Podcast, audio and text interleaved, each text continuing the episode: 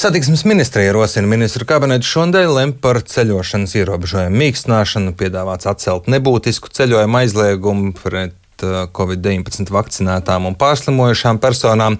Arī ieceļojot Latvijā šādām personām nebūtu jāveic Covid-19 tests un būtu tiesības neievērot pašizolāciju. Piedāvāts arī paaugstināt 14 dienu kumulatīvo gadījumu skaita slieksni iekļaušanai nedrošo valstu sarakstā, un šobrīd esmu sazinājies satiksmes ministru. Tā Linkaita, labrīt! Labrīt! Jaunā ceļošanas stratēģija, vai to akceptē un atbalsta arī epidemiologi un saka, ka ir īstais brīdis, lai mēs mazinātu ierobežojumus? Par, eh, par jauno eh, pieeju ceļošanai eh, pagājušajā nedēļā vienojās Eiropas Savienības dalību valsts. Tā ir Eiropas Savienības dalību valsts kopēja pieeja kas, eh, kas eh, ievieš šo Eiropas zaļo certifikātu, digitālo certifikātu. Un tādā veidā dod paredzamību gan Eiropas Savienības iedzīvotājiem savu ceļojumu plānošanā, gan arī transporta kompānijām attiecībā uz vasaras sezonas darbību. Un šie te, priekšlikumi ir tieši tādi paši kā visās citās Eiropas Savienības dalību valstīs, gan attiecībā uz nebūtisko ceļojumu aizliegumu atcelšanu, gan attiecībā uz to, kādas, kādas tiesības ir tieši vakcinētām, pārslimojušām personām pārvietoties brīvi pāri Eiropas Savienības robežām. Tad parasti, ka valdībā lieliem strīdiem par šiem jautājumiem nevajadzētu būt starp jums, veselības ministru un, un premjeru, piemēram. Nu, to gan, protams, paredzēt nevar, bet, kā jau teicu, tas ir Eiropas Savienības dalību valsts kopējā pozīcija. Es ceru, ka arī Latvija šai pozīcijai pievienosies. Cik gatavi ir tehniski ir Latvija Eiropas zaļā certifikāta ieviešanai tā kontrolē? Par pašu zaļā certifikāta uh, izstrādi atbild veselības ministrija, un cik iepriekšējā valdības sēdē ziņoja veselības ministrs, tad uh, Pirmie, pirmie izmēģinājumi jau būs no šīs nedēļas, no 1. jūlija, jūnija, kad uh, šis certifikāts tiks izmēģināts um, Latvijā. Mēs zinām, arī hokeja čempionāta apmeklējumiem tiks izmantot šī konkrētā IT uh, pieeja. Uh, pēc tam līdz, līdz 15. jūnijam certifikātam vajadzētu sākt darboties tā, lai to varētu izmantot arī uh, braucieniem ārpus Latvijas. Un, uh, Es ceru, ka būs dal Eiropas Savienības dalībvalsts, kas jau no 15. jūnija varēs sākt uh, piemērot šo certifikātu. Un kopējā Eiropas Savienības pozīcija ir sākt šo certifikātu izmantot no 1. jūlija. Reģionālajiem pasažieru pārvadātājiem nesen tika piešķirti 13 miljoni eiro, lai kompensētu pandēmijas laiku zaudējumus un ierobežojumu zaudējumus. Ar to pietiks vai būs vajadzīgs pēc laika vēl? Uh, konkrētais uh, maksājums bija saistīts ar uh, tiem zaudējumiem, kas radās šā gada pirmajos mēnešos. Es domāju, ka būs nepieciešama vēl papildus izmaksa, jo joprojām kaut arī ekonomiskā aktivitāte atjaunojās un cilvēku mobilitāte līdz ar to arī atjaunojas. Mēs vēl neesam sasnieguši um, iepriekšējo normālo gadu līmeni pasažieru pārvadājumu jomā. Līdz ar to saglabājas arī prasība, lai reģionālajos autobusu pārvadājumos piepildītība autobusā būtu nelielāka par 50% no, no vietu skaita. Un tas arī, protams, rada savus zaudējumus. Cik daudz tie varētu būt? No valsts budžeta prasītu? Mēs eh, tradicionāli ik pa ceturksnim rēķinām šos zaudējumus. Tā kā, tā kā eh, tāda tiks arī aprēķināta. Tad tie paši 13 miljoni ceturksni? Eh, šie konkrētie 13 miljoni bija par pagājušā gada nogali un šā gada pirmo ceturksni. Es domāju, ka atjaunojoties cilvēku aktivitātei šīs um, zaudējuma summas varētu būt mazākas. Ja? Jā, jūs jau minējāt ierobežojumus, uh, kas ietekmē uh, šos zaudējumus. Kad un vai plānots pārskatīt iekšzemes pārvadājumu noteikumus, maskas, cik pasažieru drīkst uzņemt un tam līdzīgi?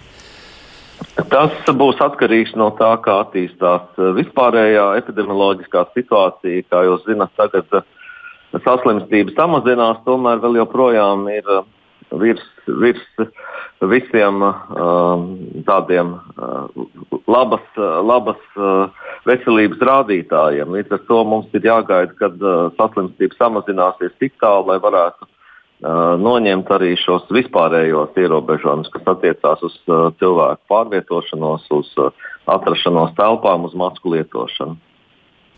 Kādā situācijā šobrīd ir Nacionāla avio kompānija Air Baltica no valsts puses? Tajā būs vēl jāiegulda nauda, jāsniedz kāda palīdzība?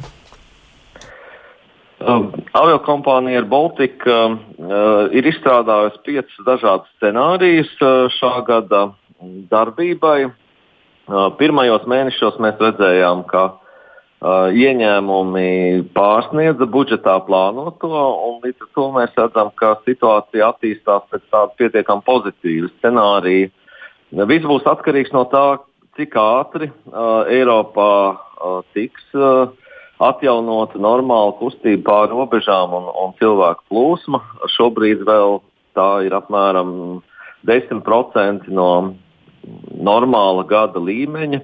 Ja mēs skatāmies uz Rīgas lidostas uh, pasažieru skaitu, uh, bet, uh, bet tā tendence izskatās pozitīva. Ar katru mēnesi pieaug gan lidojumu, gan, gan pasažieru skaits. Uh, Es ļoti ceru uz vasaras mēnešiem, kas varētu rādīt pozitīvu dinamiku. Jums ir pārliecība, ka šajā laikā ir izdarīts viss, lai zemnieciski mazinātu zaudējumus šajā laikā.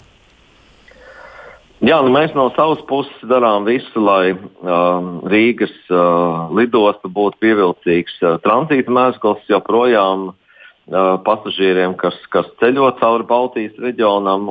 Tāpēc es domāju, ka arī aviokompānija labi strādā pasažieru skaita pieauguma nodrošināšanai. Skaidrs, ka lidojuma ierobežošana pār Baltkrieviju ietekmē arī Latviju un Baltiku. Ar kādiem zaudējumiem jārēķinās? Um, aviācijā tā patiesībā ir pierasta lieta, ka ik pa laikam tiek ierobežoti lidojumi pāri kādai uh, gaisa telpai. Mēs zinām, ka uh, Nesen tādi ierobežojumi bija attiecībā uz Izraelu, kur notika kara darbība. Tāpat arī joprojām saglabājas ierobežojumi gan Doņetskas apgabalā, Ukrainā, gan Ukrainas Krimas teritorijā. Līdz ar to aviokompānijas pie tā ir pieradušas. Protams, ka noteikti zaudējumi no tā rodas, bet tas tie tiek ierēķināti kopējā, kopējā ieņēmuma plūsmām. Un noslēdzot mūsu sarunu par klimatu valdībā, kāds tas ir šobrīd, tā turpinās strādāt arī pēc pašvaldību vēlēšanām.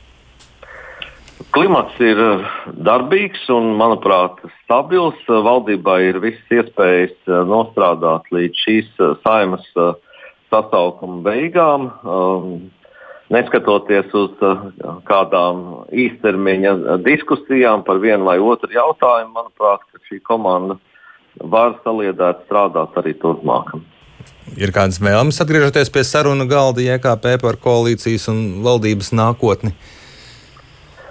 Šobrīd ir tāds pārdomu pārtraukums izsludināts. Es domāju, ļoti vērtīgs, lai, lai uh, varētu um, apdomāt priekšlikumus uh, valdības uh, darba stabilizēšanai. Es paļaujos, ka premjerministrs Krišāns Kariņš, kā mūsu komandas vadītājs, uh, nāks ar labiem priekšlikumiem, kas šo komandu tikai stiprinās. Ir jau skaidrs, kādas šīs sarunas varētu būt un pēc pašvaldību vēlēšanām.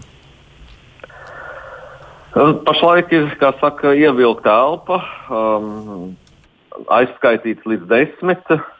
Un līdz ar to es domāju, ka tie priekšlikumi būs, būs tādi, kas būs pieņemami visiem partneriem, un mēs varēsim uh, šos jautājumus nolikt malā un, un stabili strādāt pie tiem jautājumiem, kas mums ir aktuāli tieši pie reformu procesiem, pie Covid krīzes mazināšanas un, un citām svarīgām valstiskām lietām. Paldies jums par sarunu šorīt. Satiksmes ministrs Tāls Linkaits ar mums sarunājās.